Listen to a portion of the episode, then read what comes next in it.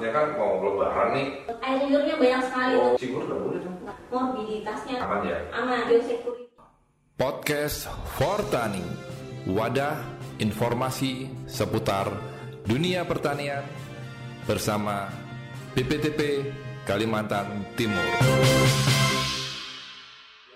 Iya. Akhir-akhir ini kalau kita ngikutin media agak rame nih terkait dengan PMK. Ya betul. Nah, eh, lagi lagi heboh nih apakah memang berbahaya tidak sih itu PMK dan apa sih sebenarnya itu PMK bu? Hmm. Jadi begini Pak Iwan, PMK itu adalah panjangannya penyakit mulut dan kuku atau bahasa Inggrisnya foot and mouth disease. Penyakit ini disebabkan oleh suatu virus, golongan virus yang menyerang hewan ruminan- ruminansia berkuku belah seperti sapi, kerbau, kambing, domba, termasuk babi. Termasuk babi ya, Iya. kambing, domba artinya berarti sapi yang sekarang dan domba yang sekarang untuk hewan korban sebentar lagi hari raya itu memang potensinya bisa Iya. terserang ya. Iya betul sekali. Dan ini juga eh, penyakit ini tingkat morbiditasnya atau tingkat kesakitan atau jumlah hewan yang terpapar itu sangat tinggi kalau misalnya sudah masuk di suatu wilayah. Tapi untuk tingkat kematiannya relatif rendah. Rendah. kalau untuk yang hewan dewasa itu 1 sampai 5 persen tingkat kematiannya. Kemudian untuk hewan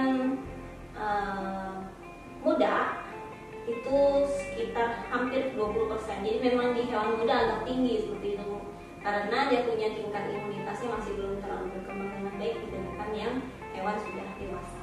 Oke, eh, kalau saya peternak Ya. Nah, untuk mengetahui ciri-ciri awal terkena PMK ternak saya itu seperti apa bu? Penampakannya atau indikasinya? Ya, jadi begini Pak, misalnya seperti ada seperti di manusia juga ya kalau misalnya ada virus masuk yang Ya. pertama pasti demam. Oh demam, tapi kan kalau demam nggak tahu saya. Ya betul. Eh, Nah ini yang selanjutnya ciri-ciri yang muncul biasanya dia eh, yang ciri khasnya ini ada seperti lesio atau lepuh-lepuh seperti sariawan gitu di Oh. sekitar mulutnya, Ya, gusi, lidah, ya. ya betul. Jadi di sini dia eh, menyebabkan nanti eh, apa hip- hipersalivasi atau eh, air liurnya banyak sekali Oh, pada dia berbusa sampai gitu ya, ya? berbusa begitu. Itu karena dia punya les- apa lesi-lesi atau luka-luka di mulut. Nah, selanjutnya kalau misalnya dia sudah luka di mulut, nggak mau makan. Kalau dia Ya. nggak mau makan, karena sakit loh mulutnya. ya betul sama kita di Iya. Indonesia. Terus nggak mau makan, terus akhirnya bobot badan menurun, Menurun. produksi menurun. Tentu, tentu, tentu. Ya. Ya.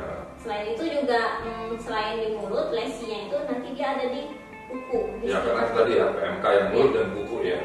Jadi di antara kuku dan di kulit itu Ya. ada seperti apa, luka juga seperti Luka, itu. Jadi itu dia juga susah nanti untuk berdiri lama-lama hewannya itu maunya Duduk, baring, dulu. betul-betul dia ya enggak ah, itu juga nanti mager ya orang ya, sekarang mager ya. kalau sudah begitu nanti akses makannya juga susah kan untuk dipandang. Jadi semakin semakin memperburuk si kondisinya. Oke, itu tadi indikasinya ya. Ya.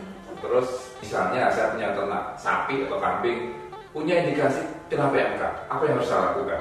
Ya begini Pak Iwan. Jadi misalnya kalau kita pertama-tama lihat ada hewan yang memiliki gejala yang mirip seperti yang saya sebutkan Ya. tadi, yang nomor satu dilakukan adalah kita mengisolasi hewan itu. Jadi Isolasi. pisahkan. Kayak COVID kemarin tapi tidak mandiri ya, jadi mandiri nih. Jadi kita pisahkan dia di kandang yang berbeda dengan hewan-hewan lain yang sakit.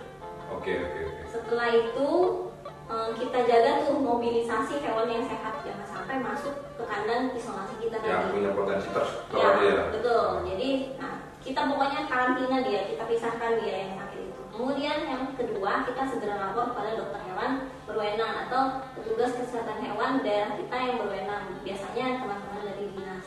Pasti ada nggak itu? Ada. Pasti ada ya. Ya. Oke. Eh, PPL-nya selalu ada di sini. Ya.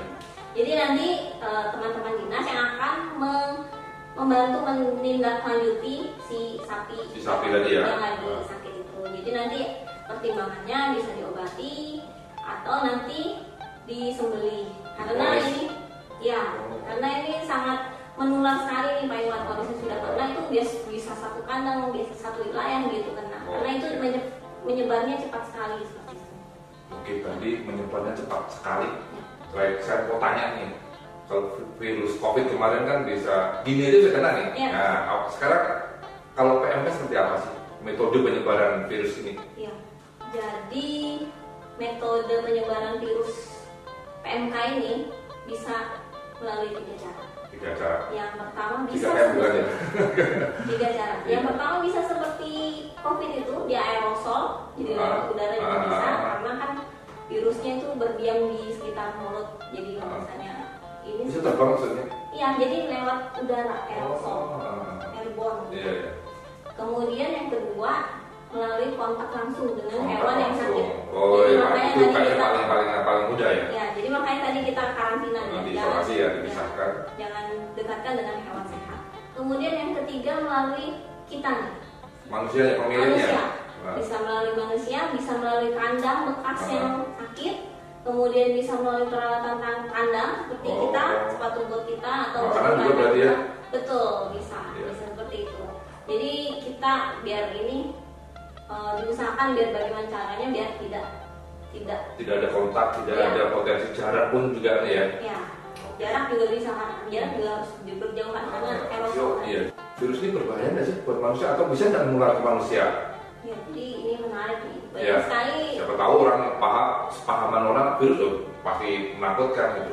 jadi istilah untuk penyakit hewan yang bisa menular ke manusia atau sebaliknya Iya. itu diistilahkan dengan zoonosis jadi Zoonosis. ya zoonosis ini khusus untuk PMK eh, ternyata dia tidak Tidak. zoonosis ya Oh berarti si, si, tidak si sapi tidak bisa menularkan ke tidak kita bisa ya virus itu ya. Ya, tidak bisa dia tidak zoonosis jadi tidak berbahaya buat kita sebagai manusia tidak akan menularkan virus itu kepada kita Gitu.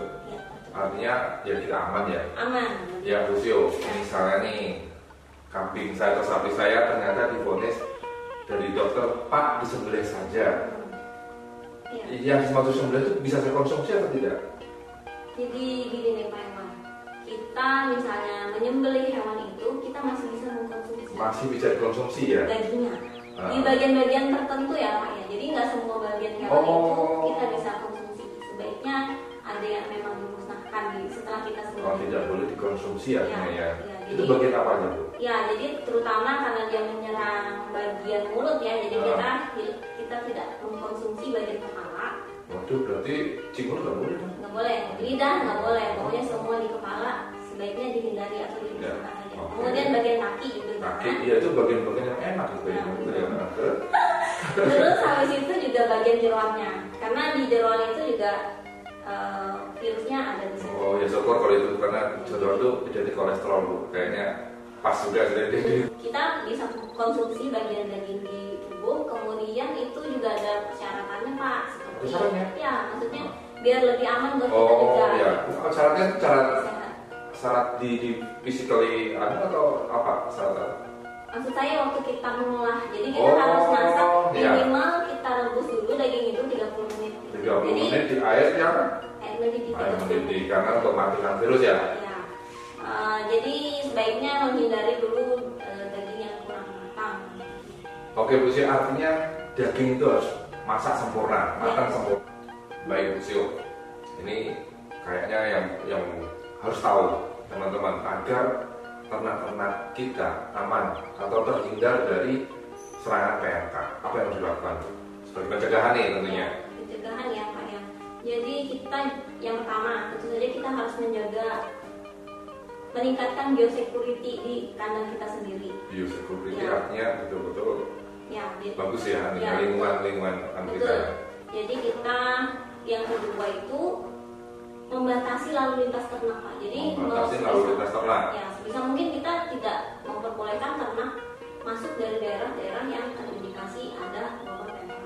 Nah sekarang ibu kasusnya kan mau lebaran nih sedang kita pasti biasanya datangnya kan tuh dari Sulawesi dari Jawa entah kambing atau apa itu sapi gimana tuh bu kan susah itu Ya betul. Jadi eh, sebenarnya tidak sesusah itu pak, karena ya negara kita kan sudah ada sistemnya regulasinya. Jadi setiap ternak yang masuk dari daerah tertentu ke daerah kita, di sana harus mengeluarkan surat keterangan kesehatan hewan (SKKH) oh dari petugas berwenang kesehatan hewan di sana. Hmm. Kemudian sampai di lokasi kita biasanya akan dikarantina dulu itu pak. Nanti akan dicek sama teman-teman karantina. Oh ini aman untuk dikeluarkan di dirilis di kita. Oh, kayak kita kemarin ya, mungkin sampai masih berlangsung nih. Ya. Ketika kita mau terbang, minimal vaksin dua kali, Ya. ada perlu PCR, swab dan sebagainya itu sebagai pencegahan agar yang bersangkutan memang aman untuk menuju ke daerah tersebut ya. Satu. Ya. Nah, Ya. terakhir Ya, apa yang bisa disampaikan untuk teman-teman? ya untuk teman-teman peternak terutama kita harus monitoring itu penting. Monitoring kesehatan hewan, misalnya ada indikasi seperti yang tadi sudah saya sebutkan sebelumnya, gejala-gejalanya segera laporkan kepada eh, dinas terkait. Kemudian yang kedua juga jangan sembarangan masukkan hewan-hewan dari tempat yang kita tidak tahu asalnya. Betul. Gitu. Iya. Jadi kita membatasi juga lalu lintasnya. Jadi Oke. itu itu yang dua hal itu yang paling penting. Paling penting. Iya. Ya demikian obrolan kita kali ini bersama dengan Dr. Iwan Sionita. Terima kasih Bu Sio. Ya. Nah, semoga bermanfaat dan mohon maaf jika ada hal yang kurang berkenan. Sampai jumpa.